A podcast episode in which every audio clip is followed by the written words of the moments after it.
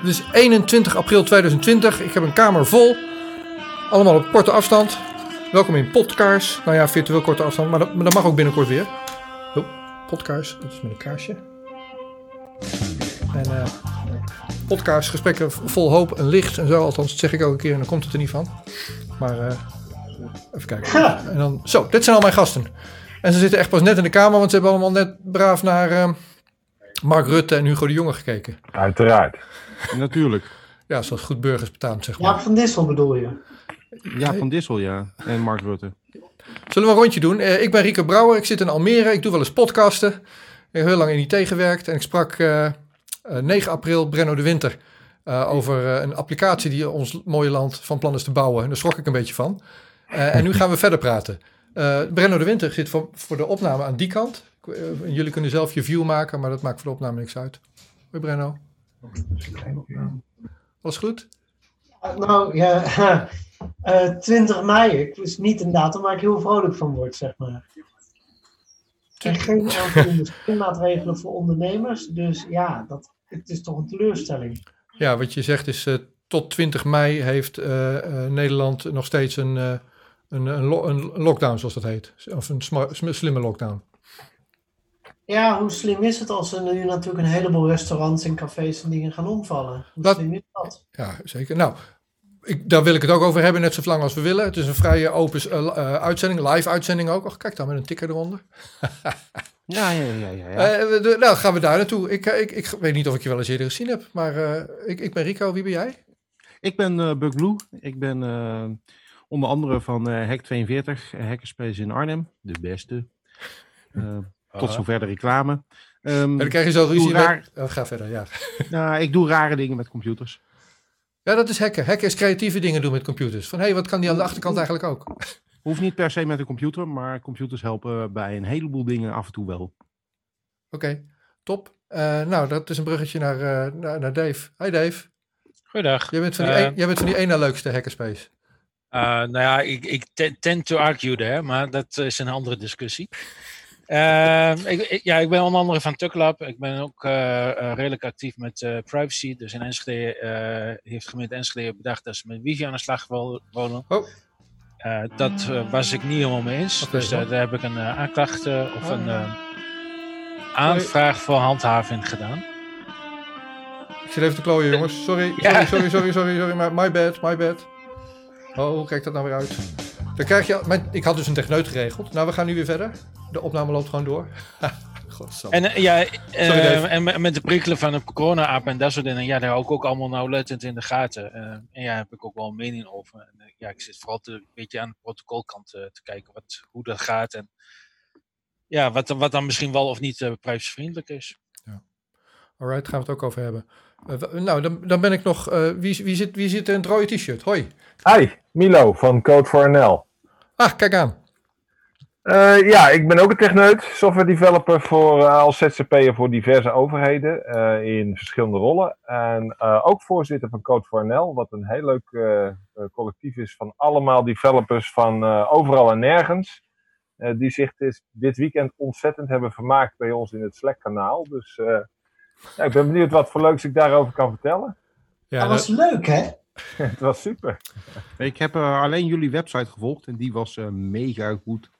Ah, ja, ja, ja. Dat was eigenlijk is de eer te groot om hem aan ons te verlenen, want een van onze eh, deelnemers in Slack heeft hem heel zelfstandig gebouwd. Dat is Thomas, die ook bij het Irma-collectief eh, een hoop leuke dingen doet. En die is eigenlijk degene die zei, ik ga dit erop zetten. Dus eh, alle eer naar Thomas. Laten we, ik, ik ben dan van de, proberen de organisatie te houden in, in, eh, in ons vijven.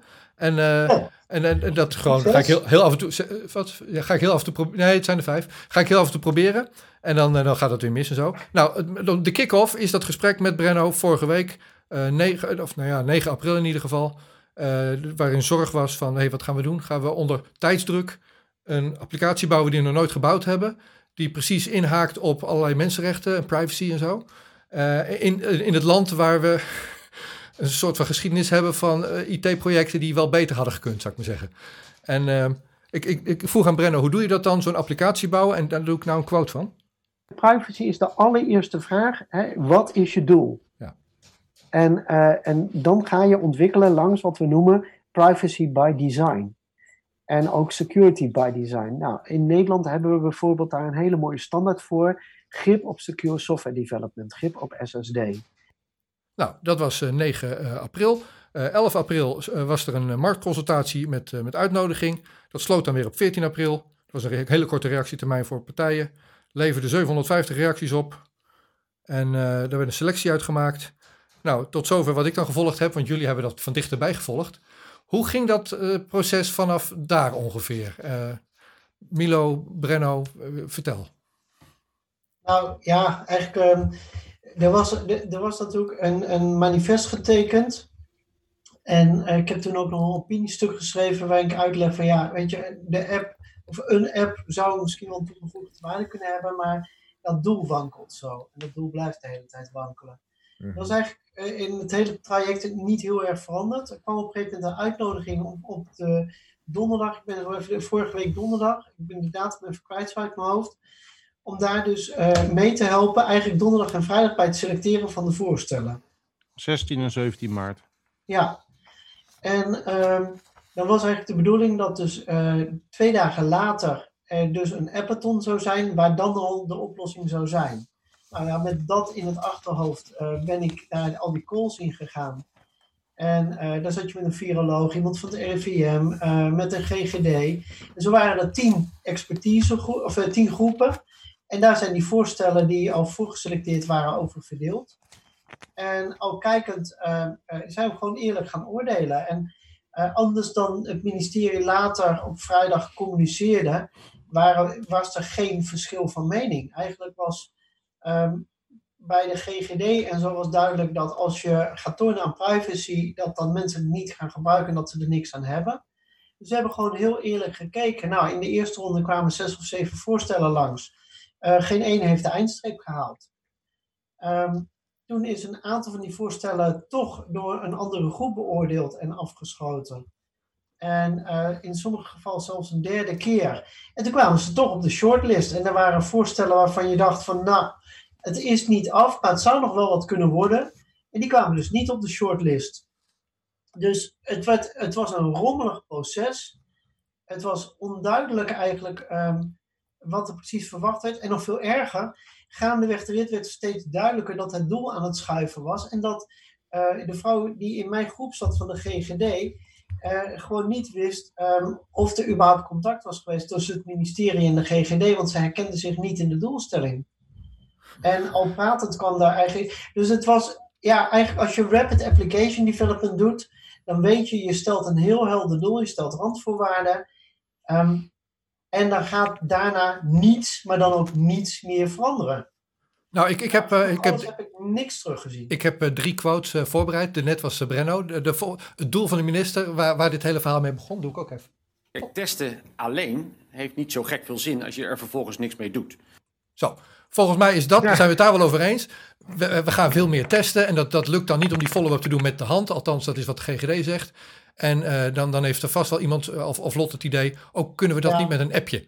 Nou, wacht. Ja, nee, nee, nee, we moeten iets doen. Een app is iets, dus we moeten een app doen. Dat is een beetje de logica.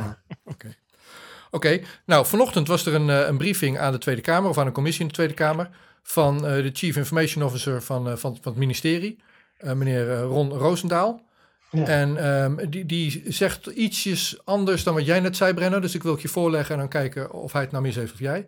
Hij zegt van, van, die, van die shortlist, uh, ja, al die partijen, er was altijd wel iemand die het niet meteen helemaal afschoot. Dus vandaar, ja, als er iemand voor was. Nee, niet waar. Uh, in mijn groep, en ik weet ook van andere groepen, um, is er nauwelijks discussie geweest in de zin van wel eens niet eens.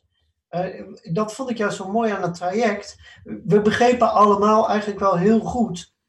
Uh, we begrepen elkaar gewoon heel goed. Dus uh, je snapt het belang wat ze proberen na te streven.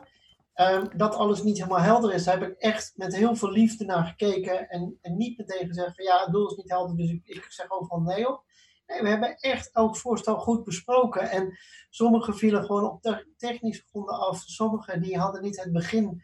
Nou ja, de, de een die dus bekend is geworden op zaterdag, heeft u, dat was SIA met de Singaporese oplossing, heeft u privacy by design toegepast? Antwoord was nee. Ja, dan voldoe je niet aan de AVG en dan zijn we uitgekletst. Dan kun je heel ingewikkeld gaan doen. Maar Brenno, er werd vandaag gezegd uh, in de briefing voor de Tweede Kamer dat als één van de groepen het een goed idee vond, dan ging de app door. Dus, en jij zegt er waren tien groepen. Was er misschien niet een elfde groep? Ik weet het niet. Ja, um, kijk, je houdt selectierondes, drie achter elkaar. En wij moesten onze top drie telkens inleveren, of onze top vijf. Um, en in onze eerste top stond dus gewoon niets, punt. Want niets wat was levensvatbaar. Of had ook maar een serieus uitzicht om op 28 april, wat uiteindelijk het doel was, tot iets serieus te kunnen leiden. En dan kun je zeggen van, ja, die, die groep heeft het fout gehad en de volgende groep heeft het fout gehad en de groep daarop heeft het fout gehad. Maar ja, toen kwamen de experts op zaterdag en zondag en die concludeerden hetzelfde. Toen kwam uh, het onderzoek van KPMG naar de broncode. Nou, dat was, dat was gewoon ontluisterend. Dat was gewoon, eigenlijk was alles één grote puinhoop. Toen kwam de landsadvocaat en die zei: de privacy kan niet worden aangetoond dat die geborgd is. En toen kwam de autoriteit persoonsgegevens. Hoe vaak wil je nee horen? Vijf. Vijf. Vijf. Maar, dat, maar oké, even, even, dankjewel. Tot zo dan. Uh, tot zo. En het, ik, het is niet een, een uh, het is een beetje de Brenno Show, maar hey, iedereen eh, onderbreek gerust. We zitten hier gewoon te kletsen met elkaar over, uh, ja, nee, over een best wel spannend project. Want dat is wat dit wel is. Ik wat rustiger houden hoor, maar ik, het is gewoon heel jammer dat als je op donderdag al op een punt bent dat je beseft dat dit niet goed gaat, dat je dus vijf dagen hebt weggegooid, zes dagen nu inmiddels. Oké, dit is een eerste echte vraag. Jullie zitten allemaal wel eens uh, software te bouwen, soms professioneel, maar in ieder geval met liefde voor het vak. Als je op een donderdag zo'n zo'n no-go, zo'n um, showstopper moment hebt. Van wacht even, dit is een, dit is een must-have en daar voldoen we niet aan. Wat zou je op dat moment dan moeten doen als je daar de projectleider voor bent? Nou ja, je, eigenlijk een week eerder begon het. Op zaterdagmiddag werd volgens mij gezegd met... Goh, iedereen mag inleveren met een app en moet het op de 18e doen. Op zaterdagmiddag. Ja, op dat moment weet je al met van, krijg je die eisenlijst na. Ja, als je niks op de plank hebt liggen, weet je van tevoren al dat het hem niet gaat worden. Dat, uh, er zijn wat initiatieven geweest die hebben gezegd: kom, laten we het proberen. Maar ja, die hadden niet afgelopen zaterdag een werkende app die aan alle eisen voldeed. Dus de, de vraag was een. Iedereen die wel eens ergens gewerkt heeft waar, waar professioneel applicaties worden ontwikkeld, die, die weet van tevoren: dit is een kansloze vraag. Dat is wat je zegt. Ja, nou, als de vraag is met van, goh, kun je een mock-up maken van de frontend en uh, een mock-up van de backend. Maar dit was echt met maak een werkende app. En oh ja, we gaan tussendoor de eisen nog een keertje bijstellen. Dat nou, de eisen, zijn nog, bij. de eisen zijn nog niet duidelijk, of wel? Wie, wie kan mij vertellen wat... er, er, stonden wel wat eisen in. Dat was ook... Uh, de enige log de logische was um, het voldoen aan de NEN-normen. Um, omdat die nu eenmaal in de zorg toepasselijk zijn. Um, maar als je even logisch nadenkt, van wie gaat uiteindelijk de app worden? Het ministerie. Dus dat wordt in privacy-termen de verwerkingsverantwoordelijke. welke, welke standaard moet de overheid nu eenmaal aan voldoen? Dat is de baseline informatiebeveiliging overheid. Als je dat vaststelt en die eis staat er niet tussen, dan ben je eigenlijk, ja, weet je, en dan kun je zeggen, ja, maar we hadden de ISO staan en weet je, je gaat, je gaat al, al een potje van maken. En dat werd, dat werd nog erger, omdat er dus ook niets aan de kwaliteit rond, rond de broncode werd geëist. Er is, um, er is de informatiebeveiliging, privacybescherming op Secure Software Development. We hebben binnen de overheid afgesproken dat gaan we gebruiken. Waarom staat juist er niet? Nee, maar Brenno, even, even, even, even heel simpel. Je moest een app gaan verzinnen die kon helpen met contact tracing. Hij moest aan allerlei eisen voldoen. Hij moest compleet veilig zijn. Um, hij moest binnen een week zo klaar zijn dat het door KPMG, de landsadvocaat en de autoriteitspersoonsgegevens frituurd kon worden. En dan ga jij van iemand, van een collectief, verwachten dat hij wat nuttigs bouwt? Ik bedoel... Nou, ik wil er wel even op inhaken, want wij zijn natuurlijk al sinds de start van corona zijn we in Code for NL bezig om allerlei initiatieven bij elkaar te rapen van mensen die iets voor corona willen doen. En dat loopt uiteen van uh, Help de Burger Helpen platforms tot aan inderdaad de tracing app. En we hebben gezien in de week, uh, de aanloop voordat VWS met dit plan kwam, eh, dat er bij ons intern ook al over de tracing app werd gesproken en over de achterliggende protocollen. Dus PEP, uh, PEPPT kwam aan bod, DP3T. er waren een aantal mensen die hadden al contact met Private Tracer, een initiatief wat iets in die richting gooit. En bij ons is het natuurlijk zo, als je al een week lang in die materie aan het duiken bent, dan heb je ook het gevoel dat er misschien wel een andere partij is die ook daadwerkelijk al iets levert, wat in de goede richting neigt. Laat niet onverdeeld dat wij intern ook heel erg verdeeld zijn over het nut en de noodzaak van een tracing app hoor. Ook al vanaf het begin, want er zitten bij ons hele duidelijke nee-stemmen tussen van mensen die zeggen wat die app ook doet en waar die ook vandaan komt. Bij ons komt die er niet in tot aan mensen die tech-savvy uh, gewoon zeggen van nou als Google en Apple dan eindelijk over de brug komen met hun protocol, dan komt het in één keer allemaal goed. Dus um, wij zijn uh, daar naar binnen gegaan in dat selectieproces uh, als, als een, een kleuter met een Rubik kubus, bij wijze van spreken, van nou wat gaan, we, wat gaan we ontmoeten, wat gaan we tegenkomen, wat gaat eruit komen. En dat dat vervolgens uitdraait op een, ja, een ontgoocheling, dat is natuurlijk heel erg jammer. Ja, het is, het, is, het is heel jammer. En ik denk dat eigenlijk, ja, je kunt wat projectmanagers de schuld geven. Maar eigenlijk is het gewoon de manier waarop de aankondiging gegaan is. Met er komt een app op een uh, dinsdagavond, net als net. En dat iedereen zoiets heeft met, huh, wat? nou, dan komt er daarna de volgende dag met vrijdag komt er een persbericht op zaterdag. En, en ja, zo gaat dat balletje rollen en moet iedereen maar voldoen. En dan moet je een, de dinsdagmorgen na eerste paasdag moet je als bedrijf ook maar wat ingeleverd hebben. Um, nou, dat is. Eh, oké, even, even één. Uh, dat, het is. Als je zoiets spannends hebt als zo'n virus. Dat komt uit, dat, daar kan je niet op voorbereiden. Dus dat is, dat is een calamiteit. Dan, dan op enig moment zeg je: hey, misschien kan IT ons helpen, kan software ons helpen. Uh, tot zover zo goed. En dan heb je wel haast, ja. want ja, er is haast geboden. Dan ga je dat traject in van wie heeft er hier iets? En dan komen er honderden reacties. Ik denk dat dat ook nog wel. Beter kan je het niet doen dan dat.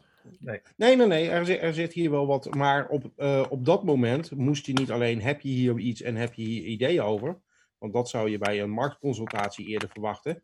Um, en dit werd gebracht als een marktconsultatie, maar was eigenlijk ook meteen, je moet de juiste app leveren. Ja. En dat is denk ik het punt waar alle twee de, de paden, die normaal apart gedaan worden, er wordt eerst een marktconsultatie gedaan. En of die nou één dag, 24 uur of een paasweekend duurt, maakt niet zoveel uit. Maar doe daarna een nuttige beoordeling en doe daarna een echte uitschrijving met wat je eigenlijk wil hebben. En dat werd ja, in de, de consultatie al gestopt. Helemaal waar. Ze hebben de vijf stappen van een aanbesteding, hè, of de vijf of zes stappen van een aanbesteding, eigenlijk in één stap willen doen. Of mhm. misschien in twee stappen. En, da en dat, en dat is, heel, heel moeilijk om dat, dat goed te doen en om daar als leverancier... En even ook om helder te zijn, uh, want ik weet dat de mensen inderdaad religieus tegen iedere vorm van app zijn. Um, toen ik op huwelijksreis was, heeft mijn vrouw kinkhoest gekregen.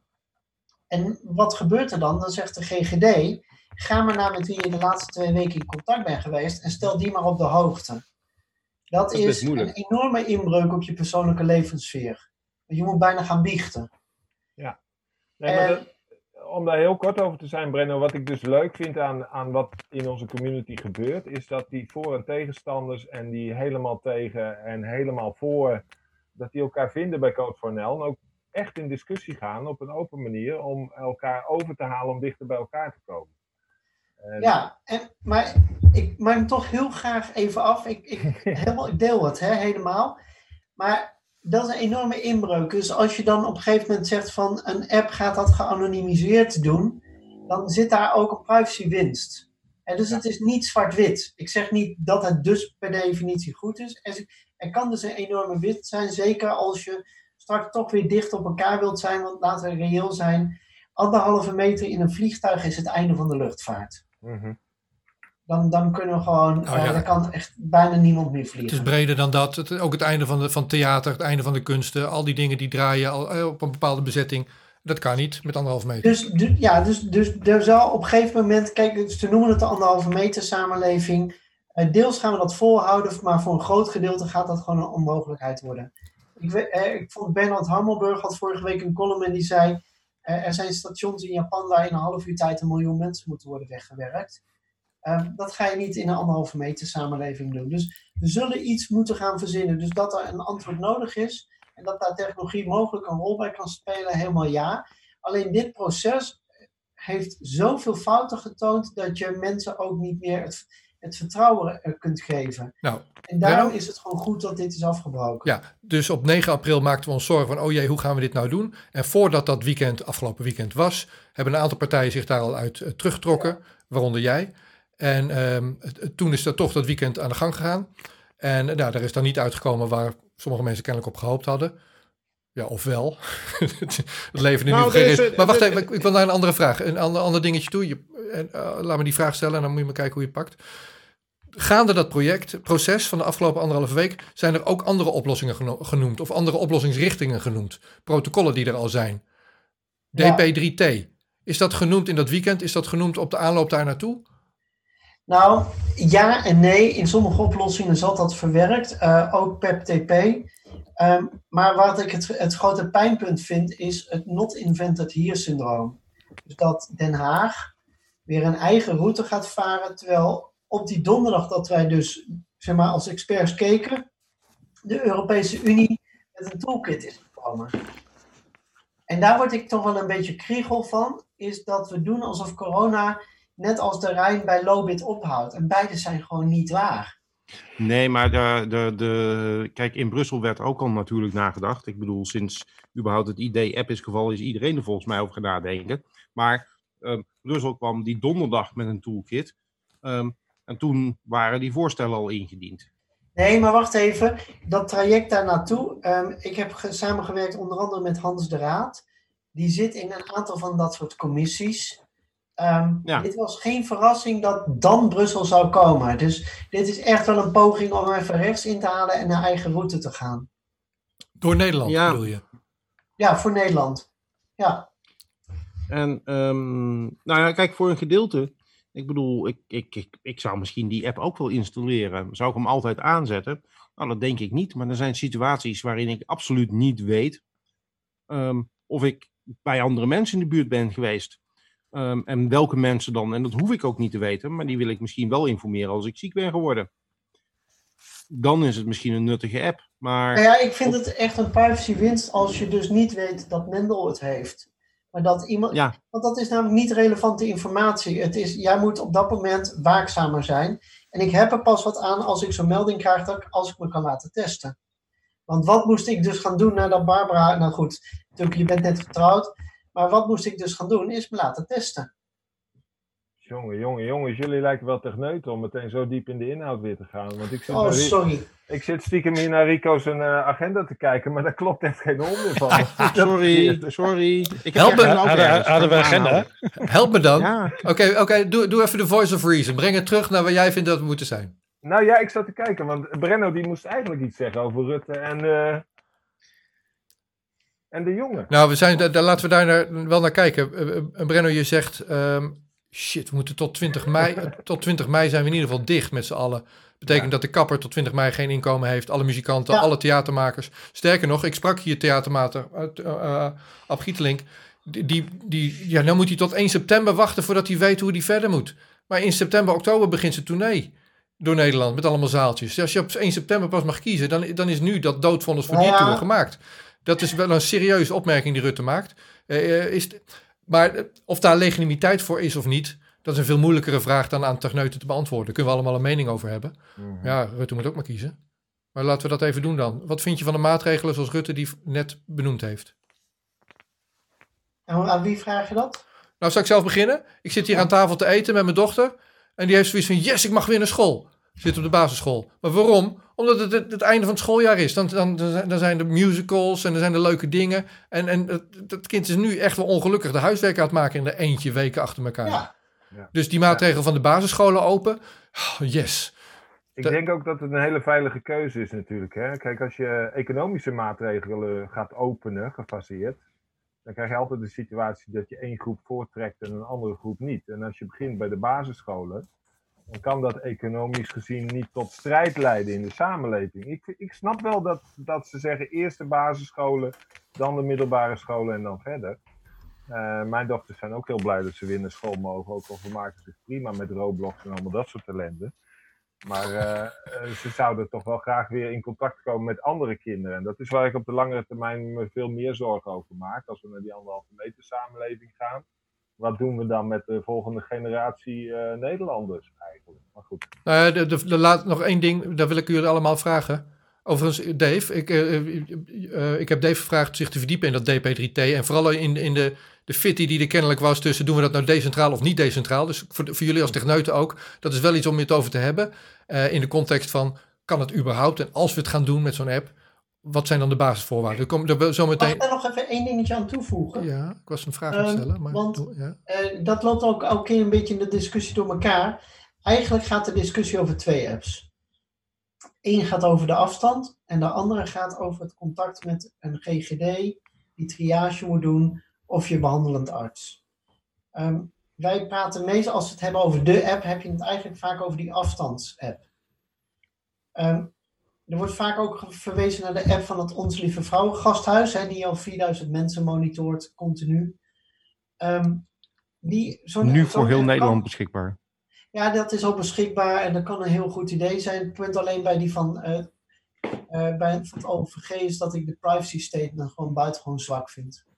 En vaag op, op, punten. Dus uh, dat ik daar niet heel gelukkig van word. Maar dat zijn even twee losse dingen. En als je natuurlijk medische gegevens via internet met je zorgverlener gaat delen, is altijd centraal. Dus het gaat, als het gaat over decentraal en centraal, hebben we het eigenlijk over die afstandsapp. Ja maar dat dat er gewoon even helder is. Ja, goed punt. Oké, dankjewel voor die aanvulling inderdaad. Want uh, nou, misschien moeten we dat dan nu, nu doen gewoon. Uh, dan maak ik even dat vorige puntje af. Want wat Rutte zei is, in een aantal Scandinavische landen uh, doen, lopen we gelijk op. Dan doen we ook de basisscholen weer open. En dan denk ik, wacht even Rutte, Scandinavië, dat is volgens mij ook Zweden. Daar zijn die scholen helemaal niet eens dicht geweest. Dus dan zegt hij toch iets op televisie wat niet helemaal klopt. En ik meen... Ja, ja. Denemarken doet zijn scholen weer open, maar Denemarken heeft een veel lager aantal besmettingen over het land. Uh, dat kwam daar ook uit. Dat, dat ze hebben daar ook zo'n onderzoek gedaan, wat Sanquin ook doet in Nederland. En daarbij was, ja, in Kopenhagen heeft een gedeelte het van de samenleving, net als in Nederland. Maar in bijvoorbeeld Aarhus, daar had, uh, hadden ze 0% gevonden. Dus daar heb je een hele andere situatie uh, dan, dan die je in Nederland hebt. Even een rondje langs jullie. Oh, dat ding van de maatregelen van vandaag afmaken. 20 mei horen we hoe we verder gaan. Tot 1 september doen we in ieder geval niks met festivals. Nou ja, mensen die muziekfestivals doen, die hebben nu, eh, weten nu dat ze ongelukkig worden deze zomer. Is, is, is dit adequaat? Vind je het te streng of vind je het, wat, wat vind je ervan? Een rondje. Dave, wil jij beginnen? Ja, ik vind het een beetje moeilijk in te schatten, omdat we ook nog niet uh, de virus echt kennen. Uh, dus waarschijnlijk gaan ze nou meer voor het onzekere en ja, best wel heel strikt met dingen om. En ik, ik, denk dat op zich, omdat we het niet kennen, ja, kun je beter voorzichtig zijn dan achteraf zeggen van, oh shit, hadden we toch anders moeten doen. Oké, okay. wie wil daarop aanvullen? Milo? Nee, ik zit er helemaal hetzelfde in. Uh, ik vind dit een terrein waar ik uh, uh, proceed with caution adviseer. En dat doet het kabinet op zich goed. En ik kan uh, als techneut echt niet adviseren wat ze beter zouden moeten doen of anders zouden moeten doen. Dit is gewoon echt iets wat we nog nooit hebben meegemaakt. En nou ja. hopen we er het beste van. Nou, ik, ik, even los van de maatregelen, daar kan ik ook niet over oordelen. Ik vind wel dat er nu met heel veel spoed een aanvullend steunpakket moet gaan komen voor kleinere ondernemers. Um, want je kunt niet twee uh, zelfstandig werkende ZZP'ers, bijvoorbeeld een kapper en een goudsmid, zoals ik die ken. Uh, dan zeg je hier is 1500 euro per maand en gaat daar maar van redden met je eigen huur en de huur van je bedrijfjes. Uh, dan, ga, dan, weet je gewoon dat je die mensen sloopt. En als er aan, de andere kant de Booking.coms en de KLM's uh, om miljarden en honderden miljoenen vragen, of miljoenen vragen, uh, dan kunnen we nu niet anders dan heel veel kleine ondernemers. Ik was gisteren bij uh, het televisieprogramma Op 1, daar zat Herman de Blijker. Nou, toch geen onbekende zou je zeggen, en toch een vooraanstaand kok. En hij denkt dat zijn bedrijf, als het werd verlengd, uiteindelijk failliet zou gaan. Ja, als hij het niet redt, uh, welke, on, welke uh, horeca-ondernemer gaat het wel redden? Dus ik denk dat we tientallen miljarden extra nodig hebben om die mensen overeind te houden. Want die kunnen hier ook niks aan doen. Oké.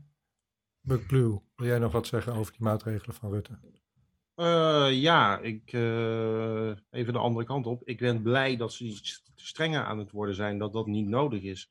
En ook dat we niet de kant van België of, of god beter Spanje op moeten, waar je echt gewoon letterlijk je deur niet uit mag, want de politie staat op de hoek van de straat om je naar binnen te mappen. Dus ja. Uh, ik vind ja, nee. gezond verstand wel de maatregelen wel met enige relaxedheid.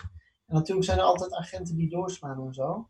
Ja, maar ik vind dat in Nederland uh, het, het, had ook heel veel erger gekund. En niet met alleen hypothetisch, maar gewoon naar nou, een ander Europees land doet het ook, dus wij doen het ook.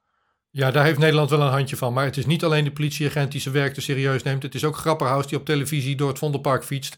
En mensen een standje geeft als ze te dicht bij elkaar zitten. Dus uh, ik heb daar ook wel een mening over. Ik denk dat Zweden wat dat betreft uh, een veel betere ding doet vrijwilligheid, informeer mensen, licht ze voor. Ik, ik wil iets citeren, nou niet letterlijk, maar wat ik vandaag las van, uh, van een econoom uh, uit Amerika, Jim Rickards. Ik moet er heel even vandoor, uh, sorry. Okay, top. Ik, nou, tot zo. Jim Rickards, die vandaag, las ik op, op Twitter, zei van wacht eventjes. Het aantal zelfdodingen is misschien nu wel hoger dan het aantal slachtoffers dat door corona gemaakt wordt. Daar moet je ook rekening mee houden in, een, in de maatschappij op het moment dat je zulke ontwrichtende maatregelen neemt. En misschien heeft u wel letterlijk gelijk. Ik ken die statistieken niet. Maar daar maak ik me heel erg zorgen om. De geestelijke gezondheid van iedereen. Dat is wel zo, maar op het moment dat je geen zorgsysteem hebt om het te ondersteunen, dan houdt het gewoon op. Ja, check. Dat is ook zo. Dus, maar goed, dat was dan het rondje langs. Uh, ja, dat, dit moeten de experts doen. Wij, wij zijn computermensen. dus dat weten wij veel. Ja naar die applicatie toe. Die en ik vind overigens, maar ik vond, dat vond ik wel positief in de persconferentie. Voor, uh, dit is nu de tweede keer dat ik Rutte hoor over mensen met kanker. Ik heb zelf een, een goede vriend, die moest een ernstige operatie hebben in het Antonie van Leeuwenhoek. En dat is de enige ziekenhuis dat kankeroperaties op dit moment doet. En uh, dat is dus uh, weken vooruitgeschoven. En daar heeft hij enorm veel last van gehad. Um, dat, dat is gewoon de keerzijde van deze set aan maatregelen. Alleen, ja, ik weet niet hoe je dit anders moet doen. Ik zie het gewoon niet. Nee, je kan de intensive. Nou, wat, hier zitten leermomenten in. We moeten dus als samenleving leren wat onze extra capaciteit is en hoe we opschalen in een geval van een calamiteit. Nou, nee, ik bedoel, ik zie het niet inderdaad in de huidige situatie. Het is natuurlijk een grof schandaal dat we te weinig bedden hebben, eh, dat we te weinig mondkapjes. Uh, dat we het zover hebben laten komen. Ja. Uh, En dat zullen we ook wel gaan leren. En dat de maatregelen nu niet worden teruggeschaald hè, en de contactberoepen niet mogen, omdat we uh, toch niet genoeg van die middelen hebben. Dat is natuurlijk gewoon een golfschandaal. Zo is dat. Jij maakt het voorbeeld van iemand die zijn behandeling uitgesteld ziet en daardoor misschien wel eerder doodgaat. Uh, in de corona lock, smart lockdown van Rutte uh, is mijn schoonzus overleden. En ja, we hebben er maar niet meer opgezocht, want ze kon wel uh, corona krijgen. En dan ben je bij de uitvaart en dan staan de vrienden buiten netjes op anderhalve meter afstand, omdat ze niet naar binnen mogen. En de familie wel. Dat is ook een consequentie van, het, van dit eh, beleid. En ja, dat is een afweging. Ja, natuurlijk. En, en de bussen die rondreden om borstkanker op te sporen, die rijden ook niet. Dat kost gewoon mensenlevens, dat weten we. Uh, dus ja, dus het is gewoon een K-situatie. Ja. En, en ja, maar het is, nu, nu we erin zitten, het is niet anders. Dus ja, als technologie op een of andere manier kan helpen, ik zou heel blij worden. Maar wel alsjeblieft goed. Nou, nee, even, even zuiver afronden. Nee, dit gaat niet gebeuren hier in deze mooie podcast. Dus we gaan zo meteen naar technologie. De oplossing voor de issue die we net benoemen, namelijk te weinig bedden, te weinig resources, te weinig eh, mondkapjes en andere beschermende kleding. Dat is een ding wat geëvalueerd moet worden op ministerie en, en met, met, met, met, met, met Zullen we daar gewoon een parlementaire enquête van maken? Het kan haast niet anders. Maar, maar, dat is, nou, maar Brenno, dat is breder dan alleen de zorg. Waar zijn alle calamiteitenplannen van Nederland? En zijn ze daar wel op orde? Nou, daarom zeg ik, uh, daarom zeg ik uh, parlementaire enquête. Als het zo misgaat en zoveel schade berokkent op zoveel gebieden. Ja, dan zelfs al zijn we achteraf helemaal tevreden over hoe alles is gelopen. Dan nog je een enquête te houden. Gewoon omdat het zo'n groot incident is. Nou, aangenomen. Eh, dan um, een van de. nou ja, uh, terug naar die, naar die app. Een van de dingen die genoemd zijn is. Uh, nee, ik wil jullie vragen. Even een rondje langs jullie. Dit is mijn telefoon. Dave, hij doet het nog. ja, heel ik goed. ik had Dave hier vorige week gezegd: gooi dat ding dan weg als je hem niet vertrouwt. Nou, ik gooi dat ding weg. Hij doet het nog. Maar um, kan je met een app rekening houden met grondrechten in Nederland? Dit soort tracking doen Ja of nee? Ja, als, als je dus die DPT3 volgt, uh, dan is het zeer zeker mogelijk. Milo? Uh, dus gewoon, gewoon, nee, gewoon ja-nee vraag. Dankjewel. Ja, jij zegt ja onder voorwaarden. Die voorwaarden snap ik wel, maar het is een ja-nee vraag. Milo? Oké, okay, dan zeg ik ook ja onder voorbehoud. Eventjes uh, kom ik straks op terug. En Brenno? Ja. Oké, okay, nou ik zeg nee, want dit is een afluisterapparaat en ik moet op een of andere manier mezelf identificeren. En het, het operating system wordt beheerd door firma Google. En dan, dan geloof ik het niet meer dat dat veilig kan. Maar dat ben ik dan wat hardlijniger in. Maar dan heb je hem toch al? Dat staat toch los van die app? Ik dacht dat de regering 17 miljoen Fairphones ging verstrekken. Of, uh, of dat is een andere vraag, maar ik had het over mijn telefoon. Ja.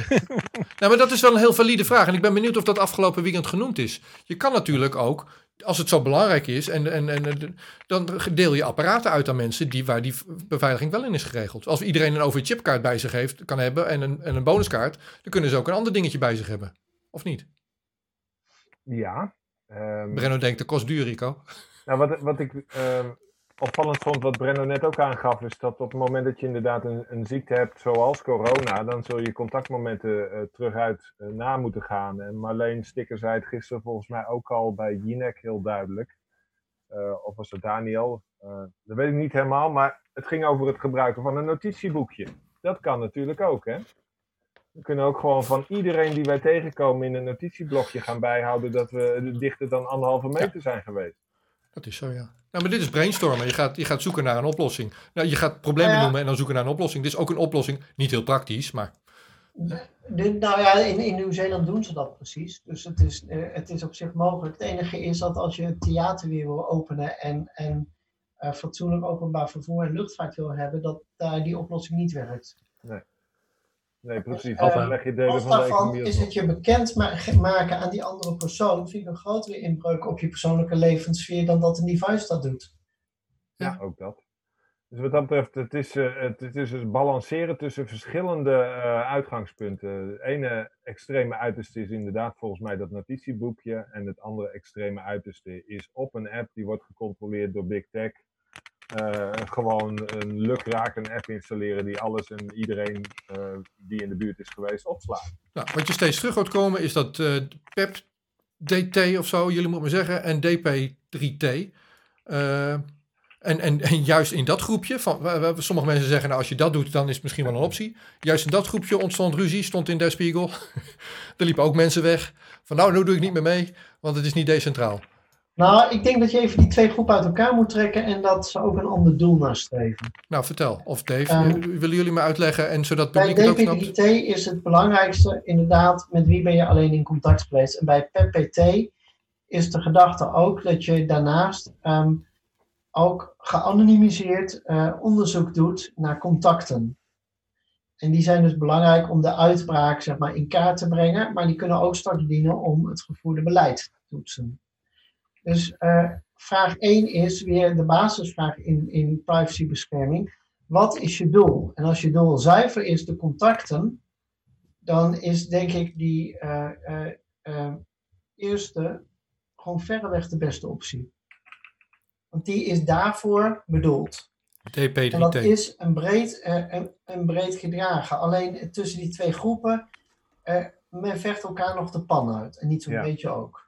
Ja, ik heb daar ook geruchten van uh, vernomen over hoe dat is ontstaan. Uh, dat DP3T ook redelijk uh, overvallen werd door het feit dat het ineens allemaal zo open en zo breed moest. Um,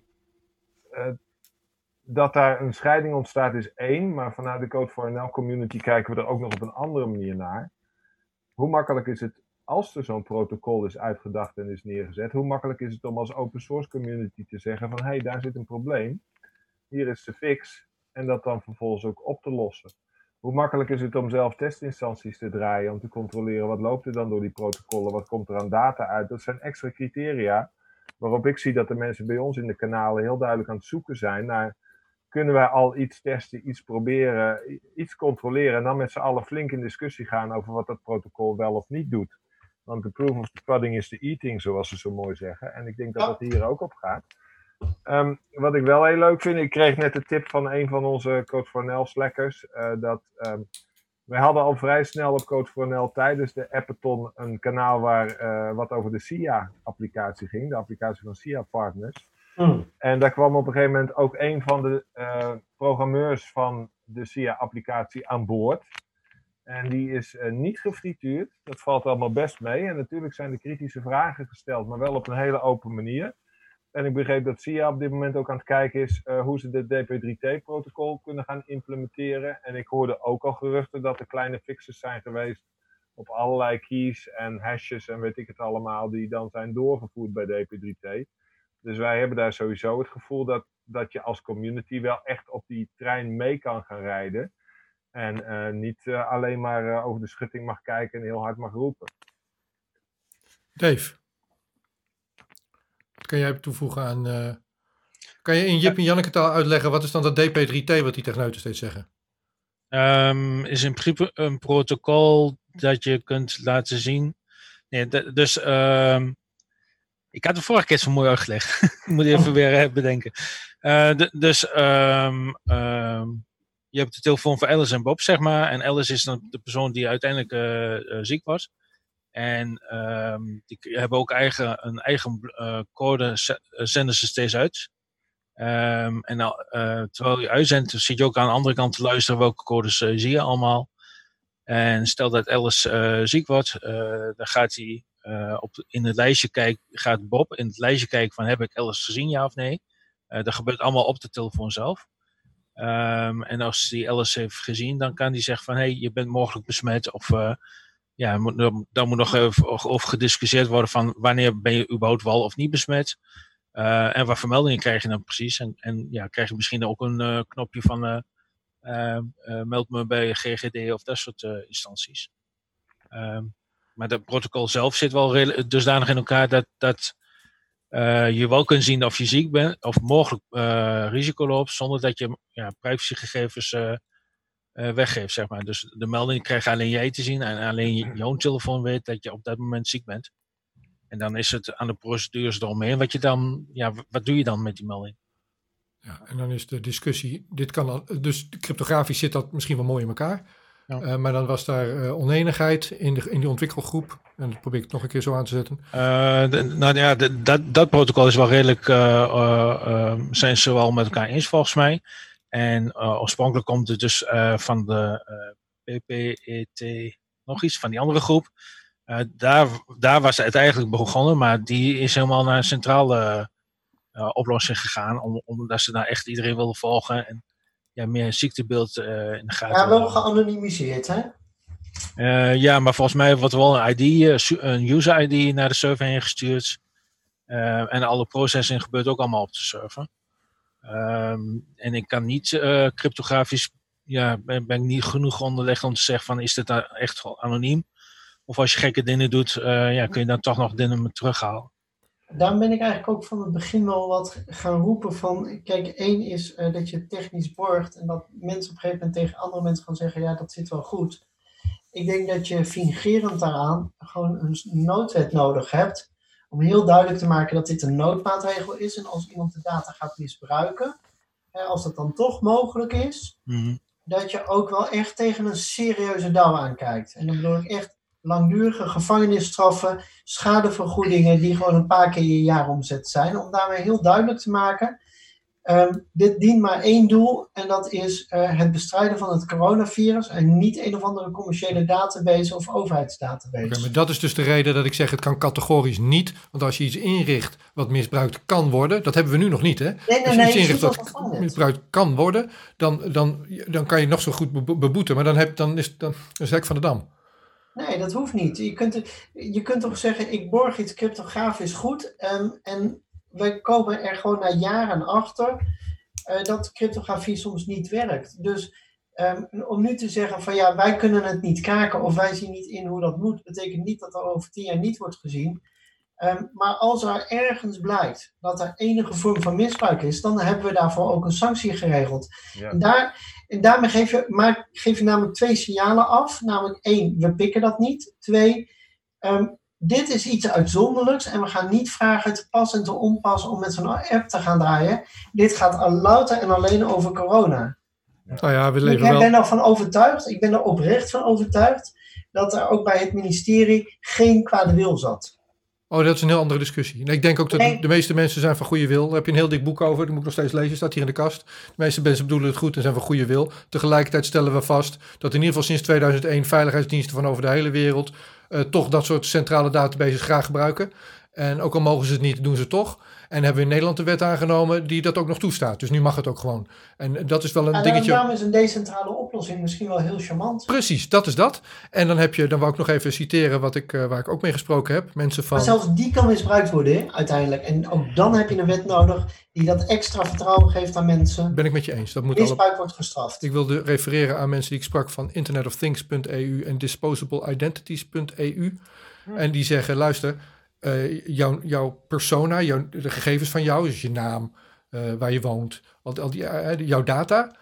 We moeten daar op een andere manier naar kijken. En dan kan je daaraan toevoegen dat mooie cryptografische nummertje dat onder zoveel tijd v- ververst wordt en via je Bluetooth gebruikt wordt voor deze corona-app. Maar al die data moet je op een andere manier klassificeren en alleen maar beschikbaar maken, tijdelijk, voor de omgeving, voor het doel waar het voor is. En dan ook cryptografisch borgen dat het weer weggegooid wordt. En alleen als je op die manier met al onze data op een andere manier gaat omgaan met je telefoon, dan zou je zo'n corona-app kunnen toevoegen. Ja, en ze zeggen dan- ook, het kan best. Dus en niet- dan ook nog, zoals Brenno zegt, de cryptografie van nu kan over tien jaar er heel anders uitzien. En dan moet je dat ook kunnen herzien en moet je kunnen zeggen, we Ja. gaan er of iets anders mee doen. Stel dat tegen die tijd een andere outbreak komt en ze besluiten om eh, de noodwet weer uit de kast te trekken. Eh, ja, hoe gaan we daar dan mee om? En gaan we dan de apps gewoon eh, even opnieuw onder de loep leggen en herbouwen op het cryptografisch stuk? Of zeggen we, oh, hey, er lag er nog één. Afgelopen weekend hebben we een appathon gehad. Dat is eh, redelijk uniek. Ja, ik ken het woord hackathon dan weer wel. Ook al kom ik daar dan ook niet. Ik bedoel, het is niet mijn ding, dat is jullie ding. Maar appathon was voor mij nieuw. Ik hoor jullie heel kritisch daarover zijn. En ik zie dat ook via wat ik, wat ik lees. Ik ben er ook kritisch op. Ehm, vanochtend is gezegd in, eh, in de briefing aan de Tweede Kamer... dat er deze avond een, een brief gestuurd gaat worden naar de Tweede Kamer. Want daar gaan ze morgen over verder praten. Mijn vraag aan jullie. En dat weet je niet, maar ik wil speculeren. Hoe enthousiast zijn de organisatoren van die appathon over de uitkomst? En wat zijn hun vervolgstappen? Brenno wil beginnen. nee, ik heb geen flauw idee. Wordt je, Nee, je, bent, eh, je bent keihard kritisch en we lachen erbij en we, maar- en we onderbouwen het, maar je bent Nee. wel heel hard kritisch. Zijn Ja, zij ik dat ben ook? keihard kritisch, maar ik vind ehm, eh, de moed van Ron Roosendaal en de andere ambtenaren die dit hebben gedaan, vind ik fantastisch. Ja, absoluut. Ja, en ik vind dat je ook. Eigenlijk zouden we dit bij elke serieuze overheidsaanbesteding moeten doen. Ja. Een publieke tribune waar je gewoon kunt zeggen: deze leverancier loopt in zijn blote kont. Want we hebben gewoon leveranciers gezien die gewoon troep hebben meegenomen. Zeker. En de winst, wat er ook gebeurt, de winst van afgelopen weekend, is dat de volgende keer die 750 inschrijvers zich wel twee keer bedenken voordat ze met een gerecycled stukje software met klantgegevens van de vorige keer erin eh, aan zo'n ding meedoen. Of niet? Ja, dat vond ik best wel snel. Want dat, nee, en dat, dat, dat is het gedeelte waar ik niet positief over ben. Ehm, je, geeft een, je, schrijft, je schrijft eigenlijk een aanbesteding uit. Je noemt het een marktconsultatie, maar het is gewoon een verkapte aanbesteding. Je zegt 28 april is er een product. Dan zet je een idiote deadline neer. En dan is het concept dat je op ehm, zaterdag presenteert. Dan laat je doorzagen door experts. Dan werk je de nacht lekker door.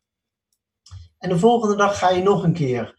Wat verwacht je dan zelf met dat soort deadlines als uitkomst? Dan zijn het toch zwaar, zwaar, door, ja, zwaar overwerkte mensen. En ja, dan gaat iemand een keer een menselijke fout maken om een lijstje of het een of ander mee te uploaden in de broncode. Dat is gewoon menselijk. En ik vind het eigenlijk een grof schandaal op een ministerie waar nog een paar weken daarvoor een minister letterlijk is gestruikeld over de werkdruk die veel en veel te hoog voor hem is geweest. En in, bij, bij zoiets serieus, ik vind het een, een, een slecht signaal. Ook, weet je, als je strakke deadlines hebt, dat je dan ook echt elke seconde van de dag gaat volplannen, dat kan alleen maar verkeerd gaan. Daar is geen positief scenario bij mogelijk. Nee. Dus laten we dat gedeelte alsjeblieft nooit meer doen. Maar zo'n, wat ze zeiden, zo'n zo'n publieke eh, beproeving, zoals we het dan noemen, dat vind ik een fantastisch concept. Moeten we continu doen. Ja. Bij alles boven het miljoen. Ja, ja, dat, daar ben ik en volgens mij zijn we dat als Code for NL community daar heel erg mee eens. Ehm, dit, dit weekend was wel een weekend wat we nog niet eerder hebben meegemaakt bij de Nederlandse overheid. Kijk, een hoop mensen kijken graag voetbal, die zitten naar die wedstrijd te kijken, die analyseren, die ouwe horen met elkaar. Uh, stop uh, bijna duizend techneuten in een hok en ze gaan helemaal los op zo'n concept als de Appathon die dit weekend plaats had. Want um, er werd al heftig gediscussieerd over de presentaties. Niet altijd even netjes, maar goed, sommige waren ook echt niet om aan te zien. En um, toen de broncodes los begonnen te komen, en dat was ook wel een redelijk unicum, want wij zaten maar te duwen op die open source. Wij wilden uh, van begin af aan dat het open source zou zijn. En de overheid had wel aangegeven openbaarheid van de broncode, maar niet open source. Nou, daar struikelden wij vervolgens nog een keer keihard over in onze chatkanalen. Maar open source begon op een gegeven moment steeds meer naar boven te komen. En ik weet niet welke duiveltjes daarop zaten te duwen. Misschien was Brenno ook wel weer ergens schuldig aan, dat, uh, dat kan ik me ook voorstellen. Maar je merkte dat er een verschuiving plaatsvond in de dialoog die, die uh, Donatello had met de rest. Waarbij open source steeds iets prominenter naar voren kwam. En toen die eerste drie repo's open gingen met broncode, nou toen ging het gewoon knijterhard. En ik vind net als, als Brenno dat het jammer is dat op zo'n moment zo'n zo'n techneut onder druk, die dan zo'n dataset uploadt, dat die gewoon weer breed uit in de media te grazen wordt genomen. Dat, dat hoeft ook niet, hè. Er zitten allemaal mensen die op een bepaalde manier bezig zijn om er het beste van te maken in dat weekend. Ambtenaren staan onder druk. Uh, de programmeurs van die grote consultancyfirma's staan onder druk. Uh, we mogen daar best een beetje respect voor hebben. Zoals je dat nu, en zoals je dat nu zegt, daar ben ik het helemaal mee eens. Uh, tegelijkertijd, als zoiets. Dit is een enorme professionaliseringsslag. Twee of drie van dit soort weekenden. En, en alle, de reden dat het is misgegaan met, met dit voorbeeld. Is ook omdat, ja, uh, als je met z'n allen meer discipline. Er gaan altijd dingen mis. Dan heb je meer discipline en weet je dat hier schijnwerpers op staan. Dan let je wel ook anders op op het moment dat je code bouwt. Ja, maar dan nog met, met een traject als dit, wat nu dan twee dagen duurt. Maar ik kan me ook voorstellen dat je op een gegeven moment, als die vorm begint te komen, naar twee weken of misschien zelfs naar een maand gaat. Dan nog zit je er uh, veel korter op en zul je nooit die uh, miljoenen schandalen gaan tegenkomen. Waarbij uh, we na 3 miljoen uitgegeven te hebben ontdekken van, oh, eigenlijk nee, precies. niet helemaal goed gegaan. Nee, dus perfect. er zit altijd winst op en dit is een relatief goedkoop experiment geweest voor de overheid. Ja. Um, waarbij wij uh, wel schade, of waarbij de overheid wel schade heeft opgelopen op bepaalde punten, maar ook verbeterpunten heeft ontdekt, maar zeker geen grote financiële schade heeft opgelopen. Dus laten we dat ook een beetje als winst zien. Ja, het is alleen maar winst, dat ben ik met je eens. Nee, maar, maar, gaat dit ook staan in de, in de brief die uh, rond deze tijd gestuurd gaat worden aan de Tweede Kamer? Ja, hoe weet ik wat er in de brief staat? Nou, misschien heb je er een gevoel bij dat je zegt: wacht nou, even, ja, ik ben, je, ik ben kritisch. Is, is ja. um, wat ze in de wetenschap noemen confirmation bias. Um, je, bent, je gaat ervan uit, je hebt een bepaald. Ik noemde het ook dit weekend de hoogmis van het techno-optimisme. Um, en daar, dat vind ik nog steeds. En als jij op een gegeven moment in iets gelooft, dat al het, uh, iedereen die iets anders zegt, dat negeer je, dat filter je uit. En alles wat maar het begin van bewijs zou kunnen leveren, dat het wel goed gaat. Of iemand die zegt, oh, maar het komt goed. Dat noem je dan, uh, ja, nee, zie je wel, het gaat gewoon goed. En dan loop je heel hard tegen de muur op. En dat is dit weekend ook wel gebeurd. Dus die, dat, die, ik heb nog nooit zo'n tunnelvisie ook in mijn hele carrière gezien, waar het zo sterk was en zo voelbaar. Oh, ik kreeg juist de indruk dat er, er geteamd werd en samengewerkt werd. Er werd wel geteamd en werd wel samengewerkt, maar je, er was wel. Mendel en ik hebben best wel veel contact gehad dit weekend over. Um, wordt Bluetooth als middel niet zwaar overschat? De, de standaard um, ja. 5.0 is anders, maar daarvoor is niet bestemd om afstandsmeting te doen. En um, uh, heel veel van de apparatuur kan het niet aan. Het Fraunhofer Instituut heeft het gedaan. Waaruit blijkt dat in, je, in de ideale labsituatie, als twee mensen staan en de mobiele telefoon helemaal recht houden en verder niet meer ademhalen en bewegen, dat je dan met 80% zekerheid een goede afstand kunt meten. Ja, dat. Uh, ik heb hier nog een aanvulling op. Uh, de SIA-app, dat is uh, de Singaporese app. Um, die hebben ook ontdekt dat uh, ja, Bluetooth is niet Bluetooth bij overal. En die zijn ook een uh, testkamer ingegaan om dingen te kalibreren. Ehm, en daarbij vergeleken ze het een beetje met een, een, een grote groep mensen. De een praat harder dan de ander. En dat betekent dus dat de ene telefoon harder praat dan de ander. En ja, ehm, wij mensen kunnen dat interpreteren, maar binnen Bluetooth, ja, die machines zijn er niet voor gebouwd om dat te kunnen. Eh, ehm, en dan hebben we nog een laatste probleem, alle groot, een, een groter probleem met Bluetooth. En dat is ehm, hoe meer Bluetooth er bij elkaar in de buurt is, hoe slechter het werkt. Ja. Als je, Dus als je wanneer je het echt nodig hebt, doet hij het niet. Dat is wat je zegt. Eh, de- het optimale aantal is ongeveer 100 Bluetooth devices die zeg eh, bij elkaar in de buurt zijn. En, en dat betekent niet dat ze elkaar optimaal ontvangen en zo, maar gewoon bij elkaar in de buurt zijn. En dan vind je er eigenlijk geen één meer.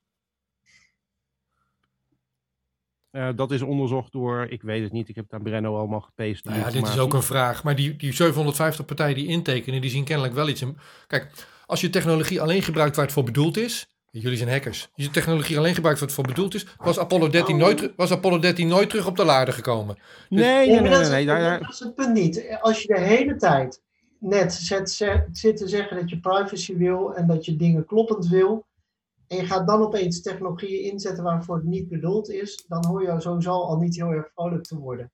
Alleen ehm, op een gegeven Ja, moment wel ofwel. iemand gaan zeggen bij Bluetooth, eh, laat ik een ander parallel maken. Stel dat je, naar, eh, dat je KLM heet en je koopt een vervoermiddel en je krijgt een trein geleverd. En je staat bij de aflevering te kijken en zegt, oké, hoe vlieg ik hier nu naar New York mee?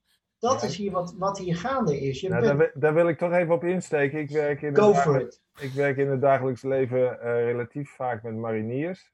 En die zorgen dat die trein gaat vliegen hoor. nee, maar even alle gekheid op een stokje.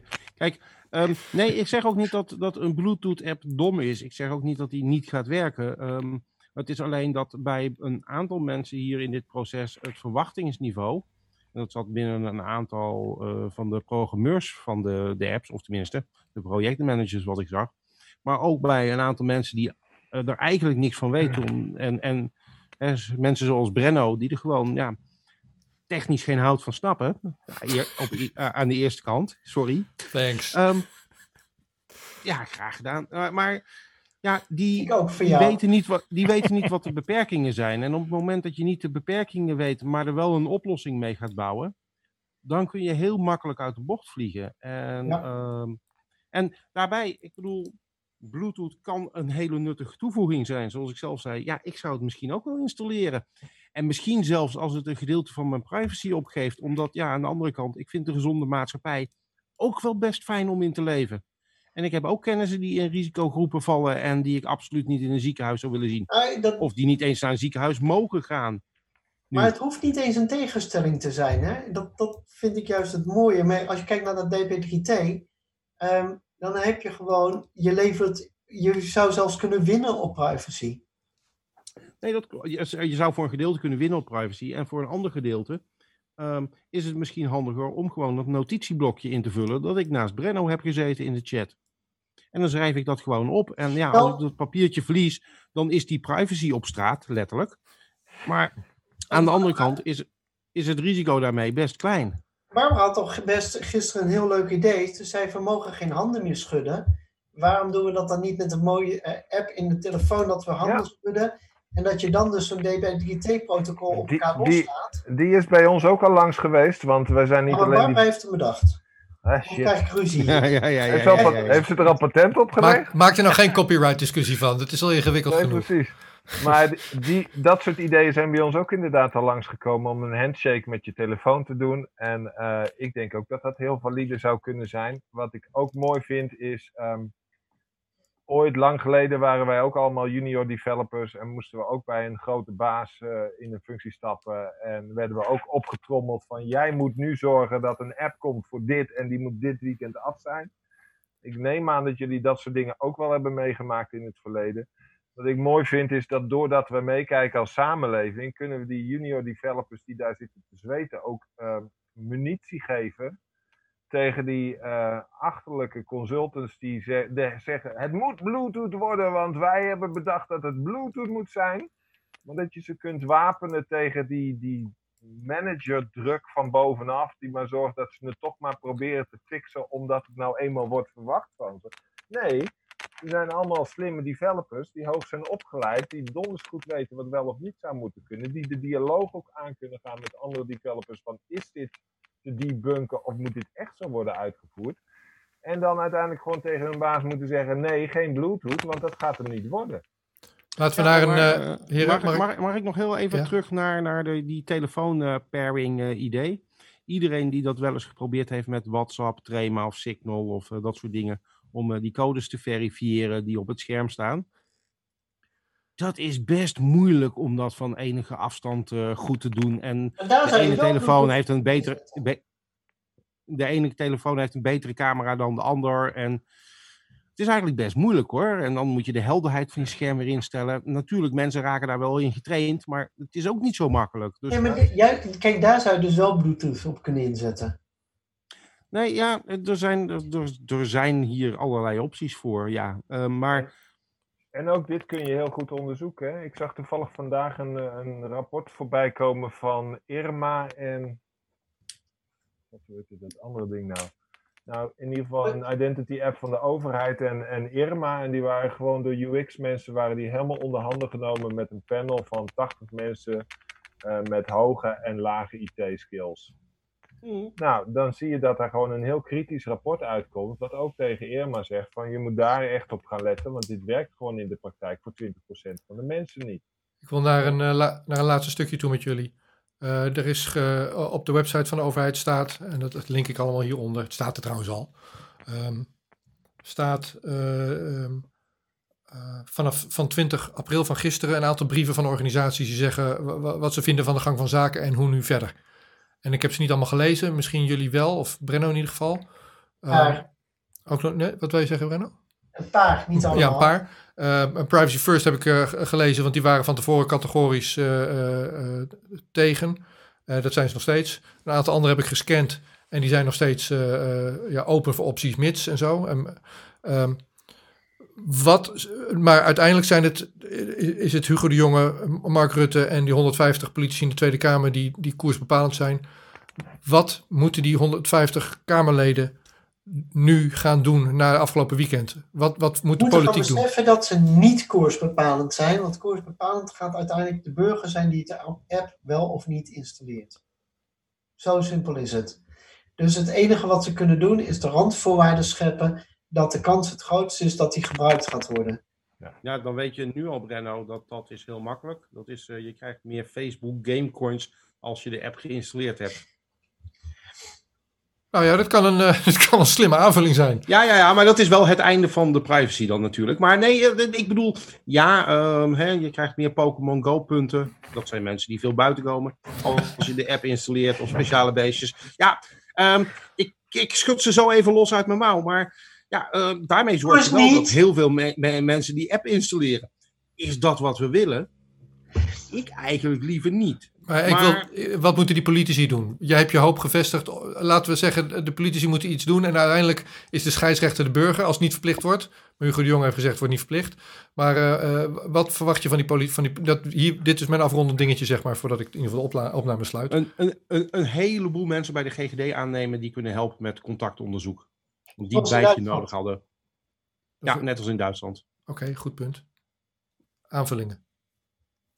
Maar ik denk dat zo'n zo, zo, zo'n app op, eh, op zich heel erg zinvol kan zijn voor de eerste stap. En daarna inderdaad moet je volop de ondersteuning, volop het orgel van eh, mensen dan ook perspectief bieden. Maar een app installeren en zeggen, jij bent misschien ziek. En dan niet de testkits hebben, niet de beschermingsmiddelen. Ja, dat, dat, dat kan niet. Die combinatie is gewoon, het is een combinatie van dingen en dan is het kansrijk. Milo. Ja, vooral ook zorgen dat de juiste experts in de juiste rollen worden gezet. Dus inderdaad, de GGD gaat bepalen hoe zo'n app er eh, eh, vorm moet krijgen. Artsen gaan meedenken over hoe je dat dan eh, netjes in de security kan zetten. De politiek mag van mij wat vaker stoppen met het gevoel hebben dat ze de regisseur zijn. Dus zou ik ook graag zien dat eh, de hoofden van de veiligheidsregio gewoon komen vertellen waarom wij bepaalde maatregelen hebben en niet iedere keer weer Mark Rutte. Ik vind het hartstikke leuk voor hem hoor, dat hij zo vaak op tv is. Maar ik zie gewoon liever mensen die ergens verstand van hebben. Ah, Mark Rutte heeft peilingen te winnen. Die staat op plus 8, geloof ik. Zou dat meespelen? Oh mijn god. Mag je dat Zullen niet we die peilingen nog een keer zien op het moment dat straks bij, bij bosjes bedrijven gaan omvallen? Nee. Ja, ik, Nou, die Ik gaan niet omvallen, niet- Brenno. Want eh, de, de, de, je kan het komende, eh, komende jaar uitgeven wat je wil. En dat drukt enorm op de staatsschuld. Maar dat merk je pas op de volgende Prinsjesdag. Zeg maar, na Ja, de maar dat gaat dus niet gebeuren, dat uitgeven. Dat is mijn grote punt. Als je nu niet, eh, met die verlenging van, van een maand bijna, had je echt wel iets moeten doen naar de ondernemers toe. Vandaag heeft Angela Merkel gezegd... Oké, ik ben het erover eens, we gaan eurobonds doen. De enige die het nu nog tegenhoudt is Wopke Hoekstra. Nee, dit is een hele simpele regel in Europa. Echt een hele simpele regel in Europa. Nederland volgt Duitsland. Als je niet aan tafel zit, dan sta je op het menu. En Donker zit niet meer aan tafel, met dank aan zijn 1 miljard en zijn eerdere houding. Dus Nederland staat gewoon in het wat Nederland vindt, doet er niet meer toe. Dave, hoe is jouw vertrouwen in de politiek? Eh, ja, kritisch blijven wat dat betreft. En vooral eh, wat ze zeggen en wat ze doen. eh, daar, zit, daar zit wel eens verschil in. Ik wil, nog, ik wil nog een ding neerleggen en dan, dat is dat laatste rondje. Ik heb Rutte niet gezegd hoeveel die zijn best doet om de intensive care capaciteit nog steeds te verhogen. Lukt dat niet? Kan dat nu niet of zo? Heeft, hij- doet hij zijn best Mm. ervoor? Ik wil meer intensive care bedden, zodat we sneller weer gewoon de straat op kunnen met z'n allen. Dan zul jij nu meer intensivisten moeten opleiden. Ik heb hem niet gehoord dat hij dat, niet, dat, hij dat doet, niet doet of dat hij daarin niet. vastloopt. Je, je kunt niet, niet. Je kunt nu niet dit jaren. jaar nog een hele batterij opentrekken.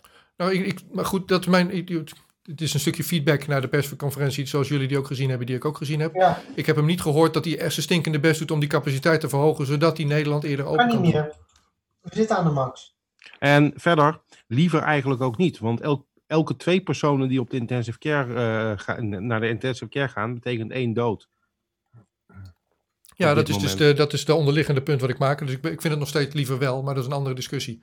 Dus voor, ik, heb, ik vind eh, de, openbare straat dicht doen en de andere maatregelen, dat doe je als het voorbestaan van je soort op, op het spel staat, of tientallen procenten eh, slachtoffers. Dat is niet aan de hand, met alle respect voor de mensen die, die hier heel erg ziek van worden en keihard werken. Dat is allemaal waar. Dat is mijn disclaimer.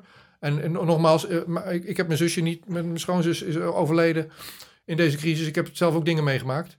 Eh, maar dan nog eh, vind ik de maatregelen eh, staan in geen. ge- ge- Ja, goed. We, hebben niet voor niks burgerrechten. De democratische controle is uitgezet, zou ik maar zeggen, de afgelopen periode. Ja, daar, daar heb ik wel een mening over. Dat Wobben niet meer kan. Dat, eh, dat het parlement eigenlijk op dit moment een, een, een verzameling ja, klapvee is geworden voor mensen die zeggen we luisteren naar de experts. En Precies als de dat. rapporten Dus- van experts dan lekken, dan blijkt daar toch niet precies in te staan wat ze zeggen. Dus- en dat is.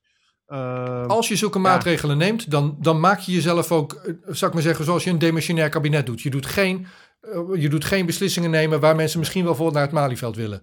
Hebben ze niet gedaan. Dat is een voorwaarde. En dan zeggen we, in het begin van dit gesprek zeiden we, nou Nederland doet het gelukkig niet zo slecht als eh, Spanje of, of, of Frankrijk of andere repressieve eh, eh, regimes.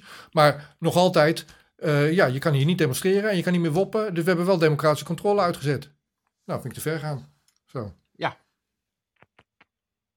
Ik zeg het een beetje. Ja. Maar goed, jullie, de- dus dan kom ik terug bij mijn kaasje. Eh, We kunnen zo lang blijven kletsen als we willen, maar dit was een gesprek vol hoop. Wie doet even de hoop? Hoop, hoop, positief. We hebben wel een positief weekend gehad. We hebben echt softwareontwikkeling in Nederland is een stuk volwassener geworden afgelopen weekend. Of We hebben allemaal heel- veel lol gehad, volgens mij. Ja. ik, Ja, weet niet hoeveel, ik weet niet hoeveel IT-specialisten dit weekend alcoholist zijn geworden. Ik weet het ook niet. Ik heb wel te veel gerookt. Maar eh, nee, ik, Yes. Ik eh, hoop gewoon voor de samenleving dat eh, beperkingen kunnen gaan afnemen. En ik bid bij wijze van spreken voor een medicijn of een goed vaccin. Echt, alsjeblieft. andere closing, closing statements, heren. Nou, dankjewel. Ja, jullie ook. Laten we dit vaker doen. Nou ja, niet met zo'n... Nou, als er weer een Appleton is of iets anders. eh, dat, Tot, tot de volgende Appleton. nou ja, maar er komt toch een vervolg? Wat gaan we... Dat was wel mijn Oh, vraag. ja, ja. Wat is nou het vervolg? Gaan we de volgende week dit overdoen of wat gaan we nou doen? Ik kan het er niet stoppen nu, of wel? Nee, ik denk dat men ondertussen op de achtergrond druk aan het doorgaan is ehm, met eh, eigenlijk alle input die aan alle kanten gekregen is. En dan ook ehm, wat er vanuit de maatschappij teruggekomen is hiermee. Vanuit de maatschappij? Wat is er uit de maatschappij gekomen? Ja, nou, Twitter, eh, Facebook, de kranten, wat die hierover schreven. Ja, dus ik vooral gemoppen. Toch? Nou, Nou ja, ik, zie. Bren, ik volg Brenno zo wat. En wat andere privacy mensen. Maar ik zie februari, februari eh, die, die brieven die nu op de website van, eh, van de Tweede Kamer staan, dat- die liegen er niet om. Ik zie bij ons dat een hoop mensen ook schaduwinitiatieven aan, de, aan het bedenken zijn. Dus wie weet komen er wel nog veel meer apps. Yay.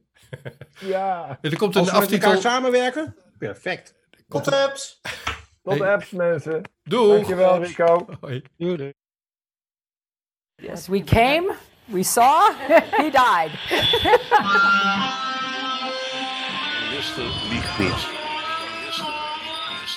Every nation in every region now has a decision to make. Decision to make. Decision to make.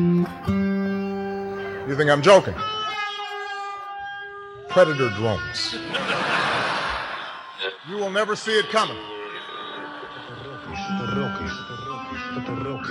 Laat staan dat ik eh, kan ingaan over vuur.